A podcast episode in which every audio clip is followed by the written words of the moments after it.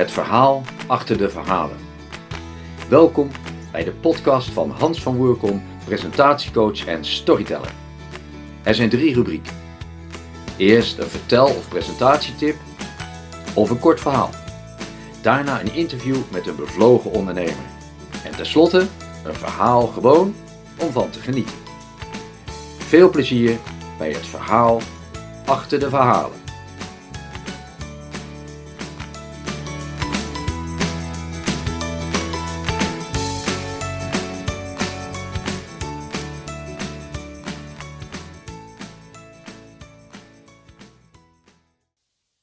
Er waren eens drie kikkers. En die gingen een wedstrijd doen. Een wedstrijd wie het eerst bovenaan de berg zou zijn. En alle kikkers waren bij elkaar. En meteen zeiden ze al van, dat gaat niet lukken. Dat is veel te hoog. Gaat niet, lukt niet. Onmogelijk. De eerste keer dacht, nou ja, misschien hebben ze wel gelijk. Ik doe het niet. Maar de tweede en derde kikker stonden klaar en daar klonk het startschot. Daar gingen ze. En ze zetten door. Ze gingen hoger en hoger, maar nog steeds weer klonken die stemmen. Het lukt niet, het gaat niet, het werkt niet. Doe het niet, stop ermee. De tweede kikker dacht, nou ja, als zoveel kikkers dit zeggen, dan stop ik ermee. De derde kikker ging gewoon verder. En na verloop van tijd bereikte hij de top. En hij was heel tevreden. Oh ja, hij was doof. Uh, nou, welkom uh, Marta Pelkman in mijn podcast. Nou, dankjewel dat je mijn allereerste gast wilt zijn in mijn podcast. Ik heb eerst een paar vragen naar je interesses. Uh, wat was je lievelingsboek als kind? Ja, ik heb altijd ontzettend genoten van de boeken van Thea Beckman. Overigens, dankjewel dat ik de eerste gast mag zijn. Ik voel me super vereerd. Ehm, maar ik heb dus inderdaad altijd genoten van de boeken van Thea Beckman. Uh, en mijn, mijn lievelingsboek, dat heb ik echt helemaal kapot gelezen. Dat is De Val van de Vredeborg. En dat gaat over de tijd van de 80-jarige oorlog. Uh, rond de tijd van de beeldenstorm 1566. Spaanse inquisitie, Alfa. Um, ja, uh, over een, een man die bierbrouwer is en die door de Spaanse inquisitie uit Antwerpen wordt verjaagd. Dus ja, super. Altijd van genoten. Ja. Nou, klinkt hartstikke goed. Ik, ik moet zelf denken aan Kinderen van Moeder Aarde. Dat is een uh, oh ja. topverhaal. En uh, dat was eigenlijk een uh, trilogie. Oh wat, was, wat was je, of wat is je favoriete film als je zo terugkijkt in je leven? dat zijn er een paar, maar dat heeft ook te maken met verschillende leeftijdsfasen. als ik echt kijk naar mijn jeugd, dan ehm, zit ik te denken aan uh, uh, The Lion King. Die vond ik heel leuk. Um, en de eerstvolgende die een beetje naar voren komt is Four Weddings and a Funeral met uh, Hugh Grant. Er zit zo'n prachtig gedicht in. Oké. Wordsworth, geloof ik. Ja. ja. Nou, dankjewel. en wat is voor jou een geweldige vakantiebestemming? Ik wil nog zo graag een keer naar IJsland. Ik wil het Noorderlicht zien. Ik wil de Golden Circle rijden. Uh, de Elfjajajökull uh, zien. Okay. Die vulkaan die is uitgebarsten daar. Ja, ja. Dus, nou, ja. klinkt heel goed. Uh, welk eten, welk gerecht vind je het allerlekkerst? Spruitjes. nou, toevallig gaan we dat nou vanavond eten. Nou ja. Nou ja. het is echt waar. Het is echt waar. Wat leuk. Ja, vind ik ook. Nou, een hele ja. andere uh, vraag. Van, je hebt dan karate gedaan. Uh, kun je daar uh, ja, een ervaring vertellen? Ja, in 2017 stond ik op het wereldkampioenschap karate in Curaçao. Um, en ik moest vechten om de derde plaats. wel natuurlijk gereguleerd vechten. Um, en ik moest tegenover echt zo'n zo'n hele grote Antilliaanse dame. Um, en haar, ja, haar trainingsmaatjes die vonden het eigenlijk best wel sneu dat ik tegen haar moest. Want uh, achteraf hoorde ik dat uh, iedereen altijd geblesseerd eruit kwam als ze met haar uh, moesten trainen. Um, zij, je hebt dan twee minuten zuivere speeltijd, waarin je dus met elkaar aan het sparren bent. Ehm, en zij heeft mij uiteindelijk vier keer tegen de grond geslagen. En de laatste keer dacht ik, ik blijf liggen, ik, ik sta niet meer op. Maar mijn coach die riep aan het einde, Marta, je moet opstaan, sta op, kom op, je moet opstaan. Toen dacht ik, nou, het zal wel belangrijk zijn dat ik opsta. Dus toen ben ik toch weer opgestaan. Ik heb het gevecht afgemaakt. Helaas niet gewonnen, maar uh, wel een hele, hele mooie ervaring rijker. Prachtig, ja. Wat, dat is, gaat dan toch over niet opgeven. En dat is denk ik ook wel, uh, als ondernemer heb je daar ook mee te maken natuurlijk. Klopt. Dus uh, dan ga ik een switch maken van, stel je nou eens voor dat, hoe zou je jezelf omschrijven hè, voor de luisteraars die jou niet kennen? Oeh, dat is een lastige. Uh, op welk gebied wil je. Ja, uh, nou laten we het eens nu als, als ondernemer. Laten we het als, als ondernemer. Um, als ondernemer ben ik schrijfcoach. Ik schrijf boeken. Tenminste, ik help mensen bij het schrijven van boeken. En ik probeer dat zo oprecht en integer mogelijk te doen. Ehm, ik probeer mensen daarbij te helpen om de juiste vorm te vinden hun ideale klant te vinden en daarbij ook hun eigen stem te vinden in het schrijven. Ehm, en het, het grappige is dat iedereen roept altijd, ja, ik moet mijn eigen stem vinden. En dan vraag ik, waar heb je hem voor het laatst gelaten? Op je nachtkastje, achter de bank? Kijk eens in het sleutelkastje. Maar uh, ja, ik probeer ook altijd een beetje humor erin te leggen. Dus um, ja, zoals je nu uh, ja, door het schrijven moet leuk blijven. En ik probeer dat voor mijn klanten ook zo leuk mogelijk te houden. Ja. Hoe vind je die ideale klanten dan uh, voor jou, voor die persoon? Hè? Stimuleer dat door vragen of hoe pak je dat aan? Ja, uh, wat ik ga doen is, uh, kijk nu is natuurlijk coronatijd en alles is dicht, dus we mogen niks. Maar normaal gesproken zou ik dan een, een samen met mijn klant een lunch, zou ik een lunch aanbieden. En dan gaan we uh, samen op zoek naar de structuur. Door te kijken van nou, welke onderwerpen wil je behandelen? Wat wil je doen met je, met je boek? Wat is de, het doel van je boek? Het, het kan zijn dat je gewoon lezers wil hebben. Het kan zijn dat je je verhaal wil vertellen. Maar het kan ook zijn dat je door middel van je boek klanten wil krijgen. En op basis daarvan ga je dus ook je ideale lezer en dus je ideale klant bepalen. Dat doe ik inderdaad aan de hand van een hele, hele lange, nou ja, niet zo heel lang, een vragenlijst van vier pagina's, uh, waarin je dus gaat bedenken, ja, wie is mijn klant eigenlijk? Heeft hij een naam? Hoe ziet hij eruit? Oké. En uh, zijn we nou nog iets vergeten als je kijkt naar wat jouw werk is? Of heb je alles al zo'n beetje verteld? Ja, nou ja, ik, ik doe dus inderdaad dat schrijfcoaching. maar ik schrijf zelf ook teksten. Ik redigeer boeken. ik redigeer ik kijk uh, ander werk naar allerlei teksten, zowel in het Nederlands als in het Engels. En um, daarnaast schrijf ik ook teksten voor websites. En dan vind ik het het allerleukste om de Over Mij pagina te mogen schrijven. Omdat die Over Mij pagina juist over de ondernemer gaat en wat hij voor zijn klant kan betekenen. Dus wat heb jij gedaan waardoor jij de ideale uh, oplossing bent voor jouw klant? Dus heb je het voorgeleefd of heb jij uh, iets moois meegemaakt, waardoor jij je klant daar ook in kan begeleiden. En ik ga dus dan inderdaad, om even in het thema van jouw podcast te blijven, het verhaal zoeken achter het verhaal, achter de waarom van de klant. Oké, nou dat is mooi. Dan kom ik gelijk bij jou waarom. Uh, het is, waarom doe jij uh, wat je doet? Um, in 2018 schreef ik mijn eigen boek. Uh, hashtag ik ben gepest. En helaas, dat is waar. Ik ben van mijn zesde tot mijn achttiende gepest. En um, dat heeft mij ja, behoorlijk wat ellende opgeleverd. In de zin van bepaalde overlevingsstrategieën die niet meer werken als je volwassen bent. dat heeft mij een aantal stoornissen opgeleverd op het gebied van eten, op het gebied van paniekaanvallen en, en dat soort zaken, depressiviteit. En ik ben daar uitgekomen door creatief te gaan schrijven. Dat heeft mij geholpen om beter te worden. Naast natuurlijk ook de professionele hulp die ik echt nodig had. Um, en uiteindelijk heeft dat schrijven mij gewoon ontzettend helpen helen. Um, en op basis daarvan ben ik dus uh, op zoek gegaan naar hoe kan ik andere mensen nou helpen om te helen of eventueel hun eigen boodschap te verspreiden. Eh, mijn boodschap, uh, pesten moet stoppen, standaard, punt. Ehm, maar er zijn zoveel meer mensen met even zoveel boodschappen.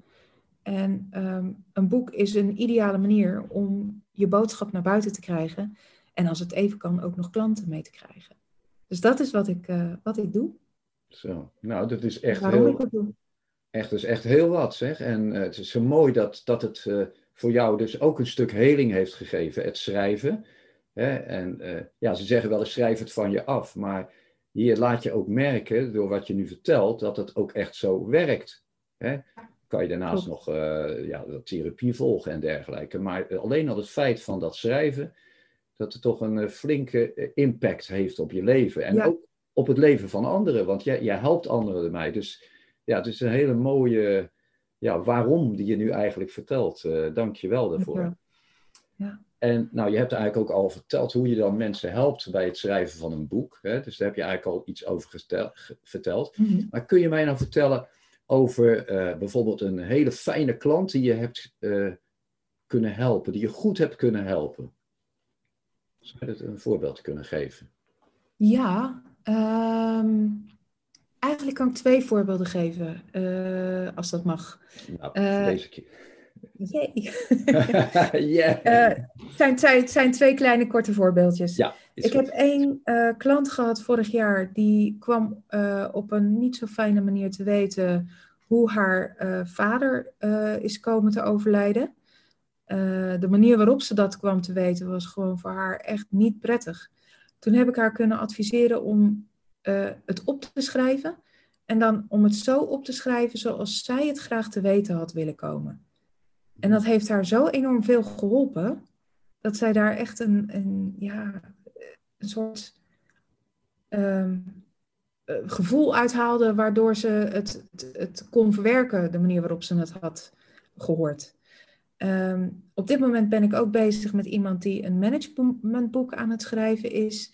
En uh, zij heeft af en toe wat last met uh, structuur vinden, met zoeken naar uh, motivatie.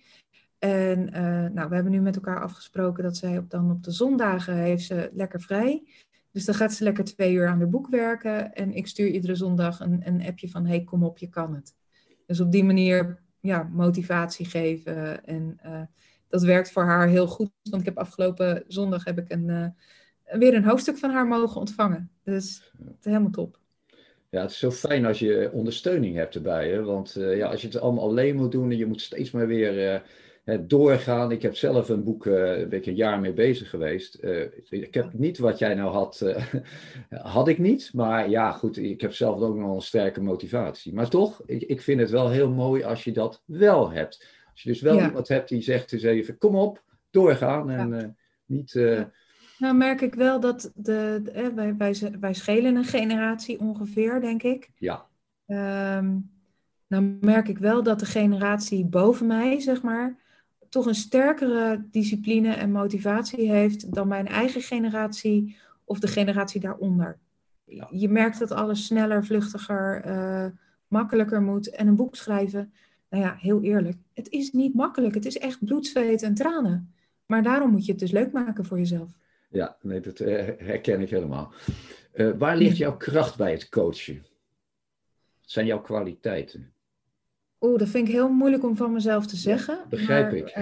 Uh, wat ik vaak terugkrijg, is dat ik de persoon in zijn waarde laat en dat ik hem in zijn kracht zet.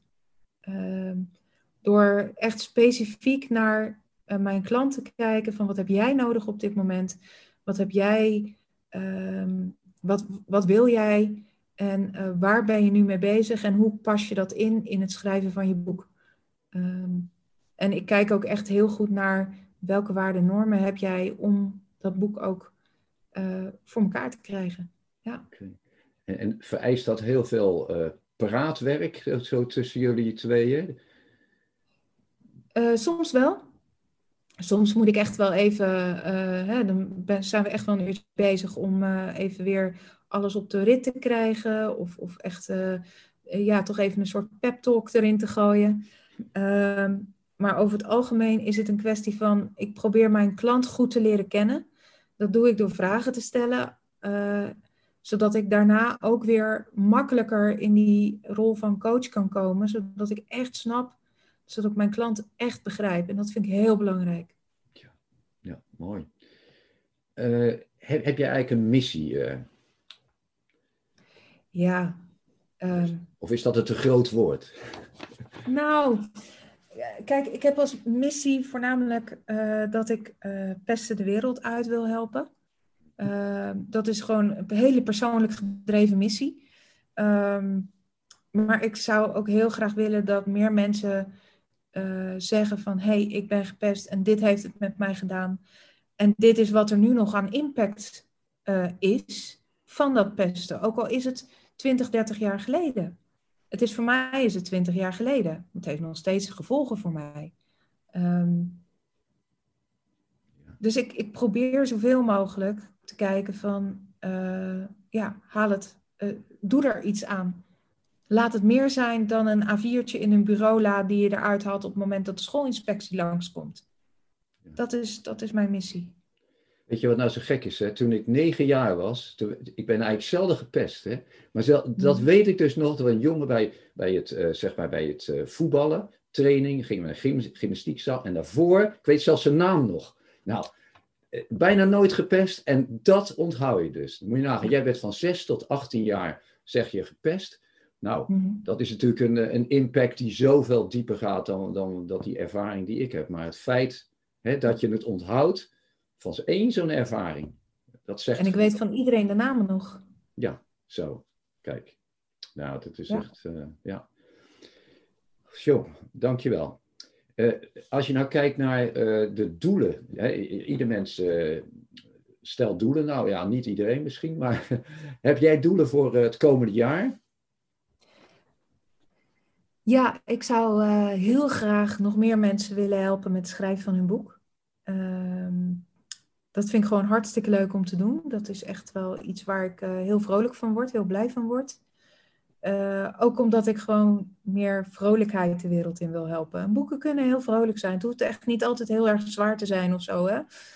Het hoeven geen, geen zware business consultant boeken te zijn. Ehm, ik zou, ik zou de, de lichtheid van het leven wat meer willen uh, naar, naar voren willen brengen. Ik wil aan de lichte kant van het leven uh, mooie dingen doen. Prachtig. Dus dat zijn mijn doelen. Ja. Heb je zelf nou ook voor je, uh, in je hoofd al zo van, nou, over vijf jaar wil ik dit? Of denk Oef, je, ja. Um, ja, dat, dat zijn van die vragen die ze dan vroeger stelden bij sollicitatiegesprekken. Waar zie je jezelf ja. over vijf jaar? Rotvraag. Ja, hele vervelende vraag, want ik wist dat nooit. Um, ik zei dan altijd maar, nou dan zit ik op de stoel naast jou. Omdat ik niet uh, hè, mijn, mijn man of vrouw tegenover mij wilde, uh, van haar plek wilde jagen. Um, maar ik wilde ook niet, ik, ja, ik had echt zoiets van, ik weet niet eens waar ik volgende week ben. Dus geen idee. Nee. Nou. maar het leukste zou zijn als ik hier inderdaad nog uh, uh, lekker mijn kantoortje heb, dat mijn bedrijf nog bestaat, uh, lekker dat ik er van kan, goed van kan leven, echt heel goed van kan leven. Um, en dat ik, dat ik fijn veel mensen kan betrekken bij, bij mijn bedrijf en dat ik mooie samenwerkingen mag opzetten en dat die ja, lang stand houden. Dat vind ik heel fijn. Dat zou mooi zijn. Nou, Dat, is, dat, is, een mooi antwoord, vind ik. Nou, ik ben gek op storytelling, dat weet je. Hè? Uh, hoe, ja. Hoe sta jij erin? En hoe... Oh, heerlijk. Ja? Ja, laat mij maar verhalen vertellen. Uh, of ik ze nou opschrijf of dat ik ze uh, vertel. Ik vind het heerlijk, echt. Um, een goed verhaal brengt zoveel meer dan, dan koude, kille feiten en cijfertjes. En je ziet het nu ook met de corona. Hè? Iedere dag worden de cijfers uh, genoemd. Zoveel mensen besmet, zoveel mensen positief getest, zoveel mensen in het ziekenhuis. Het beklijft niet. Nee. Um, de verhalen beklijven van uh, iemand van in de twintig die het heel erg benauwd heeft en nu nog bezig is met, met, met uh, herstellen van de eerste golf. Dat zijn de verhalen die blijven. Een verhaal maakt impact. ehm, verhalen uh, vanuit de middeleeuwen, vanuit mijn, hè, vanuit mijn studie Nederlands. Verhalen zijn juist de, ja, de, grote, uh, de grote verhalen blijven. Waarom bedenk, de, zou de Bijbel nog bestaan? Ja. Omdat het verhalen zijn. Uh, ook middeleeuwse verhalen werden eerst mondeling oververteld, hè, doorverteld. Uh, later is het schrift pas gekomen. En daarom is het op rijm, omdat het anders niet onthouden werd. En er zaten ook stokrijm zat ertussen, om het verhaal weer even van wist u nog dit en dat? En uh, dan werd dat even herhaald, zodat het voor de verteller ook makkelijker was om het te onthouden. En zo werd het dan ook opgeschreven. Dus verhalen, uh, ja, denk aan de kampvuren waarom mensen omheen zitten en verhalen vertellen aan elkaar. Uh, de, de, de grote verhalen die in de wereld blijven, ook al zijn ze nooit op schrift gesteld. Dat is prachtig. Ja, nou, je, je bent er helemaal vol van. Uh, ja. ik heb een medestander. Sorry, door. nou, dan ga ik even wat serieuzere vragen. Wat zijn nou de meest gemaakte fouten door schrijvers? Of mensen die het willen leren? Ja, vaak denken mensen dat het echt gelijk uh, goed moet zijn. Maar het hoeft helemaal niet je mag eerst gewoon eigenlijk, ja, wat ik noem je kotsversie. Dus je mag het eerst uitbraken op papier. Er is niemand die het hoeft te zien, alleen jij. En als je dan eenmaal alles wat je hebt uh, opgeschreven, hè, als je al je kennis, al je, je hele verhaal eruit hebt gegooid, dan, um, ja, dan, let je niet, dan moet je niet letten op de spelfouten, op de rare zinnen. Dat doe je straks wel als je naar je eh, versie 0.1 gaat. Ja, je, je, je allereerste versie, versie 0.0, dat is eigenlijk gewoon, ja, kots maar uit. dus ja, nou, beetje plat, maar ja, dat is het. Ja, heb, heb je nog een paar tips voor het schrijven van een boek? Uh, zorg dat je je plotlijn duidelijk hebt.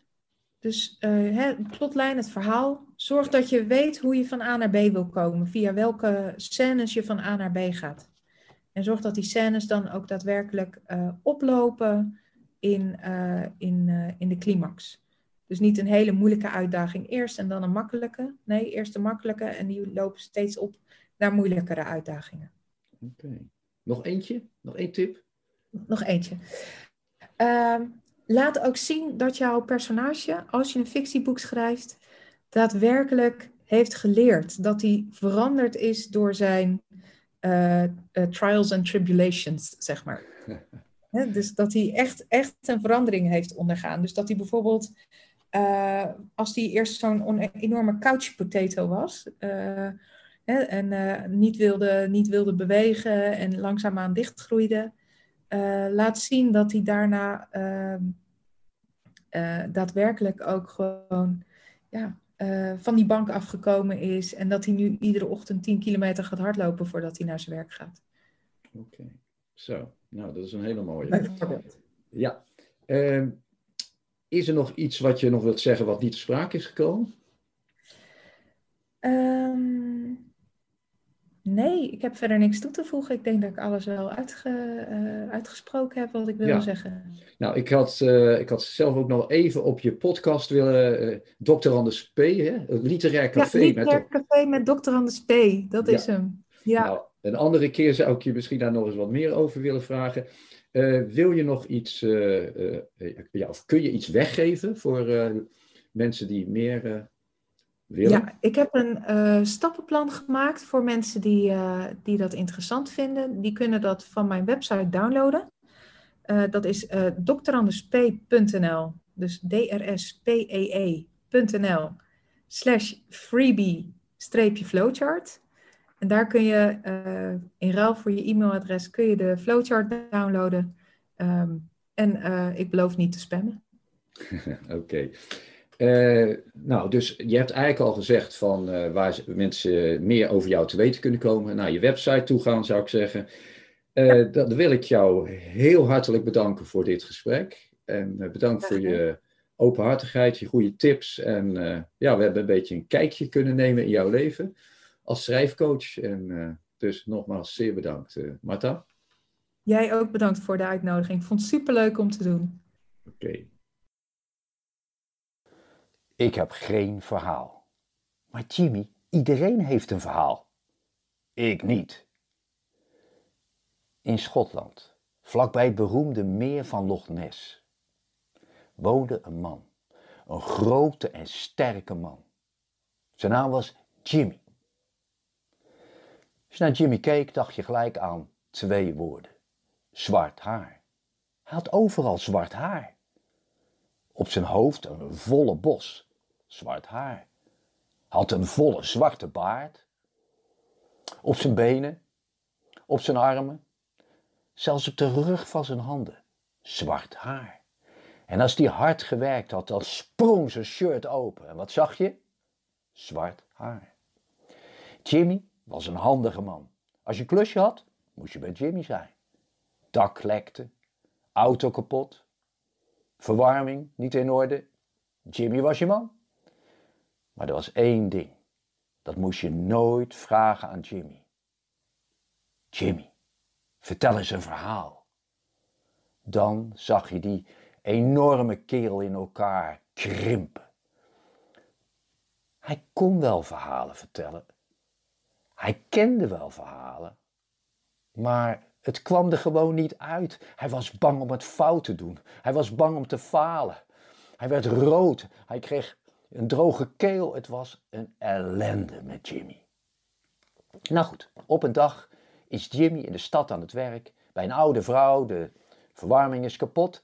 Jimmy repareert het. Maar hij is langer bezig dan hij, het, dan hij verwacht heeft. En aan het eind van de dag, als het al een beetje donker begint te worden buiten, dan pas is hij klaar.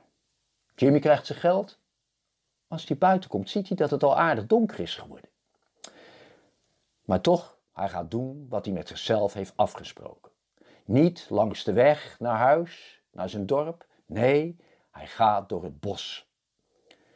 En zo gauw hij het bos nadert, begint het zachtjes te regenen. Zo'n motregeltje waar je drijfnat van wordt. Maar goed, Jimmy gaat verder. En even later is hij echt helemaal in dat bos. En dan ziet hij in de vette een lichtje. Dan denk je, hè, wat is dat? Als hij dichterbij komt, weet hij ineens wat het is. Dat is de pub. En die heeft pas geleden een nieuwe eigenaar eh, gekregen. En daar doen vreemde verhalen over de ronde. Het maakt Jimmy toch wel wat nieuwsgierig. En als die dichterbij komt, ziet hij die enorme neonverlichting. En wat staat er? The biggest liar. Nou, dat kan Jimmy niet zijn, want hij zegt niet zo geweldig veel. Jimmy loopt langs de pub. Maar hij hoort stemmen. Hij ziet licht. En hij wordt toch wel erg nieuwsgierig. Vooral naar die eigenaar. En hij denkt, nou ja, wat kan het voor kwaad? Ik ga lekker even door het raam naar binnen kijken. Maar zo gauw hij bij een van die ramen komt, ziet hij dat de gordijnen dicht zijn. En bij het volgende raam hetzelfde. Hij hoort die stemmen. Hij wil gewoon meer weten. Dus wat doet Jimmy? Loopt naar de deur en hij pakt de deur klinkbeet en hij probeert. Hé, hey, deur is dicht. Dat is vreemd. Nou ja, Jimmy bonst op de deur. En daar gaat de deur open. En het is een oude man. Hé, hey, Jimmy. Uh, hoe kent u mijn naam? Jimmy, welkom. Wat leuk dat je er bent. Kom binnen. Jimmy valt van de ene verbazing in de andere. Want de mensen staan niet aan de bar. Ze staan niet aan tafeltjes, ze zitten niet aan tafeltjes. Nee, ze zitten in een kring bij elkaar. Gezellig. Jimmy, wil je wat eten? Wil je wat drinken? Uh, ja, is goed. Even later heeft hij uh, thee en uh, een lekkere apple pie. En Jimmy begint er lekker van te smikkelen. En hij kijkt zo eens in het rond en de mensen zijn vriendelijk en aardig. En de sfeer is geweldig. Tot het moment dat de oude man opstaat. Beste mensen, wat zeg ik? Vrienden. We weten allemaal waarom we vanavond hier zijn. En Jimmy denkt, ik niet. Vanavond gaan we een wedstrijd houden. En Jimmy denkt, wat voor wedstrijd? Vanavond hebben we een verhalenwedstrijd. Jimmy verslikt zich in de apple pie. Gaat alles goed, Jimmy? Ja. Maar, mensen, we hebben een afspraak. Iedereen gaat vanavond een verhaal vertellen. Jimmy heeft het moeilijk. Natuurlijk heb ik een paar prachtige prijzen. Voor degene die het beste verhaal vertelt, deze gouden cup, deze gouden beker. En voor degene die de grootste leugen vertelt, de biggest lie, deze zilveren cup. Wie begint? Een man die staat op en zegt: Ik heb wel een verhaal. En die begint een verhaal te vertellen over de grootste angst van de mens. Het is een Afrikaans verhaal over Baru. Prachtig verhaal. Als die klaar is, daverend applaus. Een vrouw staat op. Ik heb een verhaal over een prinses, een sprookje van Grim. Een vrouw, de prinses, die kan alles zien in de lucht, op het land en in het water. Ze vertelt vol verve haar verhaal en natuurlijk krijgt zij flink applaus. En zo komt de een na de ander aan de beurt. En Jimmy begint steeds benauwd te krijgen. Wat moet ik vertellen? Wat moet ik vertellen? Ik weet het niet. En ineens staat hij op. Uh, ik heb geen verhaal. De oude man glimlacht. Maar Jimmy, iedereen heeft een verhaal. Ik niet. Uh, Jimmy, volgens mij ben je de spelregels vergeten. Iedereen gaat vanavond een verhaal vertellen. Nee. Ja, toch wel. Echt niet, Jimmy? Nee. Goed, Jimmy. Dan heb ik nog wel een clausule, een, een reddingsmoment. Een, een, een klusje. Oh, ik ben heel goed in klusjes. En Jimmy laat zijn grote handen zien. Ja, Jimmy, je hebt grote handen. Luister, je gaat zo dadelijk de pub uit. Je loopt naar het meer toen er is een oude groene roeiboot. Vol met water. Schep het water eruit en kom terug. Dan ben je klaar. Oké, oké. En Jimmy laat zijn handen zien. Ja, Jimmy, je hebt grote handen, maar je moet het wel doen met deze vingerhoed. Huh? Als de vingerhoed in de grote hand van Jimmy ligt, krijgt Jimmy het benauwd. Maar, daarmee? Ja, Jimmy, veel plezier, tot straks. Even later staat Jimmy buiten. En het begint weer zachtjes te motregenen. Jimmy voelt zich ellendig. Hij voelt zich alleen, hij voelt zich eenzaam. Binnen is het warm, is het gezellig.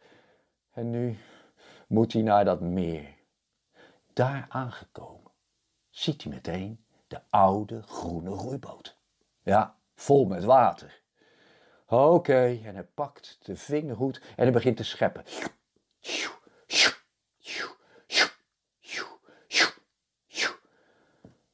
Maar ja, na een kwartier is er nog bijna niets uit. Jimmy kijkt naar de vingerhoed, kijkt naar het water en hij smijt het in het water. Waar heb ik die handen voor gekregen?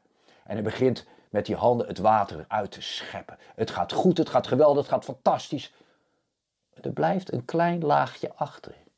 En Jimmy denkt, ja, hoe haal ik dat er nou uit? Nou ja, Jimmy stapt in de boot. Tenminste, met zijn ene voet.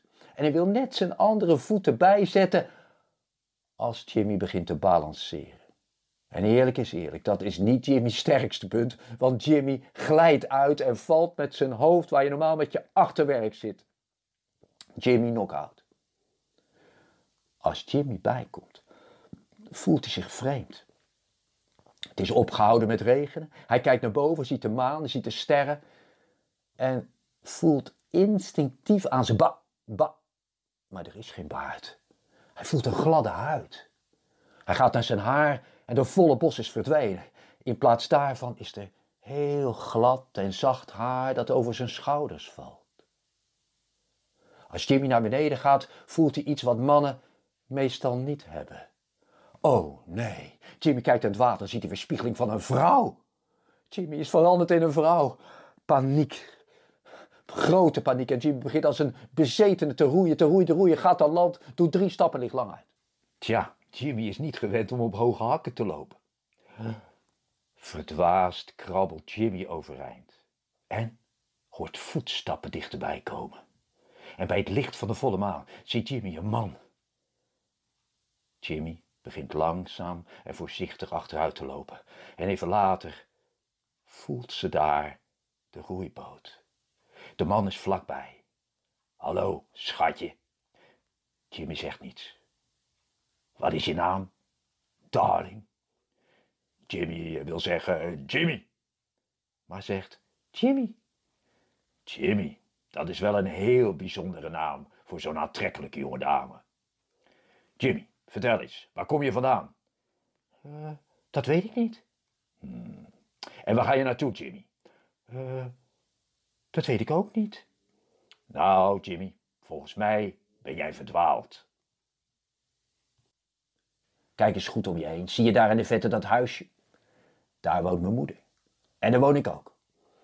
Uh, weet je wat? Ga, ga met me mee. Mijn moeder heeft vast nog wel iets lekkers in de pot zitten. Geef me een hand.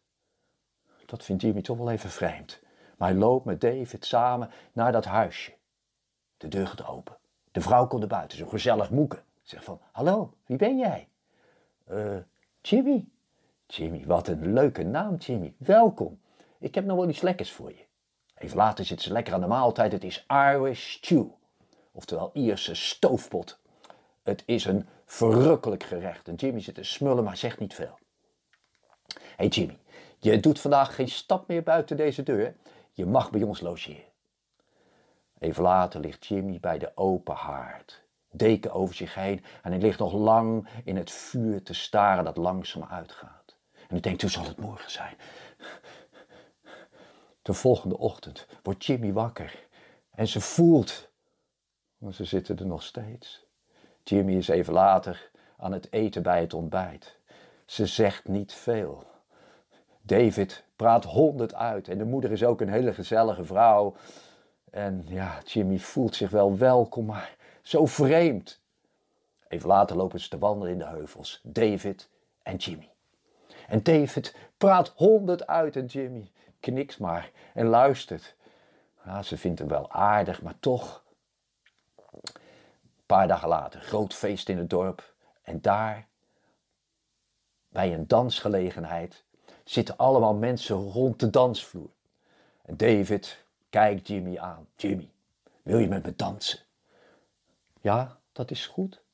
En even later zwieren ze over de dansvloer. Het is een prachtig gezicht.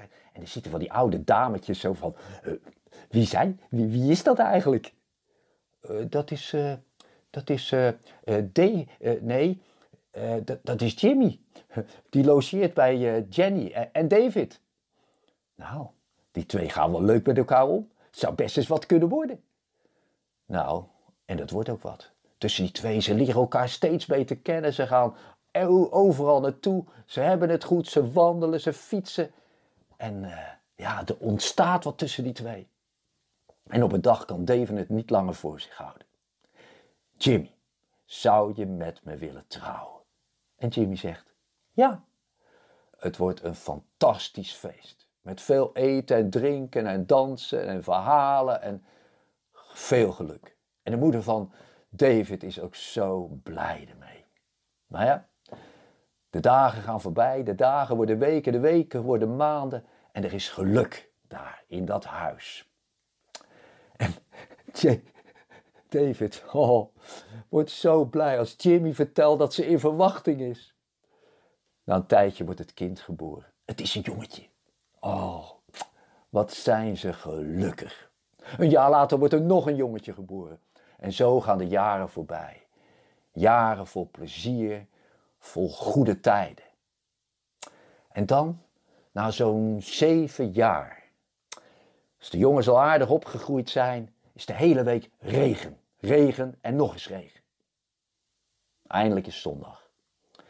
Droog. David, die jongens moeten naar buiten. Laten we naar buiten gaan, lekker wandelen in het bos. Even later lopen ze te wandelen in het bos. Nou ja, wandelen. Die jongens die rennen alle kanten uit. Ze klimmen in bomen. Ze springen door de plassen.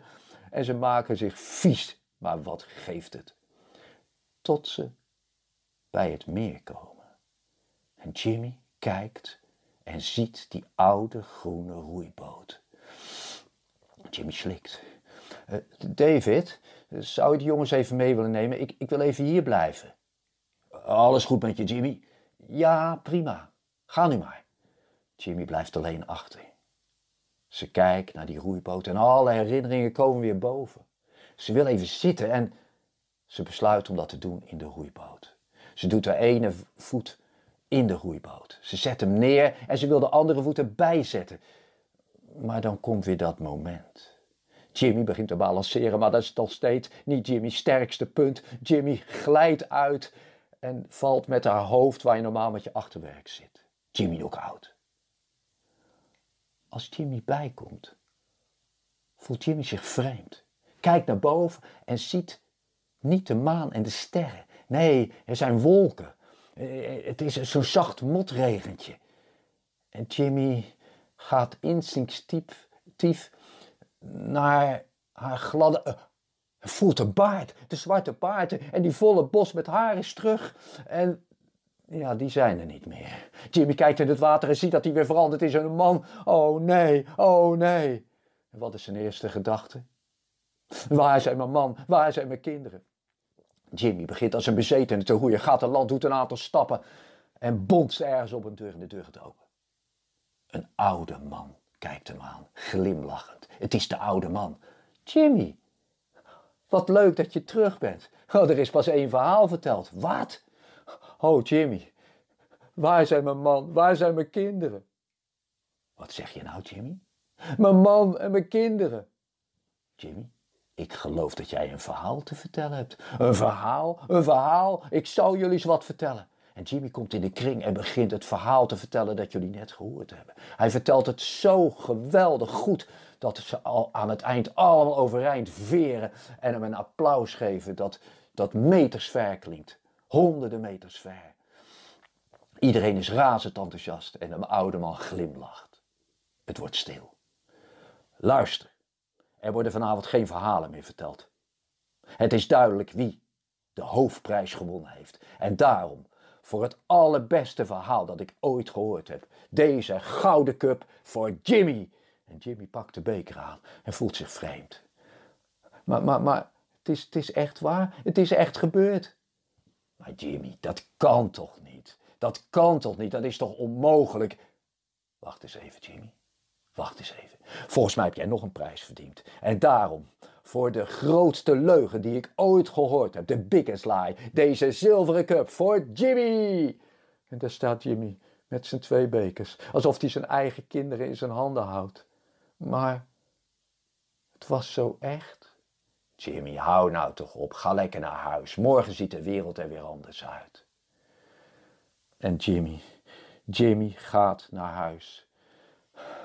En als hij thuis komt, als hij thuis komt in zijn huis, dan valt hij in slaap. En de volgende ochtend, als hij wakker wordt, is hij nog steeds de man Jimmy. Hij voelt zich echt raar, hij voelt zich vreemd. En de dagen gaan voorbij. En dan komt dat feest. Het feest waarbij zijn beste vriend jarig is. En hij komt in dat huis en iedereen is vrolijk en die vriend houdt ervan om Jimmy op stang te jagen. Zegt Jimmy, Jimmy, vertel ons nou eens een verhaal. Jullie willen een verhaal. Jullie willen een verhaal. Ja, Jimmy, vertel dan. En Jimmy begint een verhaal te vertellen. Nou, jullie kennen het verhaal al. Oh, het, het komt eruit als een spraakwaterval. En iedereen, oh, als die klaar is, springt overuit en zegt: Jimmy, zo'n geweldig verhaal hebben we nog nooit gehoord. Fantastisch. En Jimmy ja, voelt zich toch wat krachtiger, wat sterker. En de dagen gaan voorbij. En het gaat wel beter met Jimmy. En toch, af en toe moet hij er nog aan na, over nadenken wat hem allemaal is overkomen. En ik zeg je dit. Als je ooit nog met vakantie naar Schotland gaat en je komt bij het meer van Loch Ness, de kans is groot dat je niet, dat je niet het monster tegenkomt, maar misschien wel die man. Die man met die baard die inmiddels grijs is geworden. Een man die uitstaart over het water. Dan weet je allemaal wie dat is. Jimmy. Bedankt voor het luisteren en tot de volgende keer.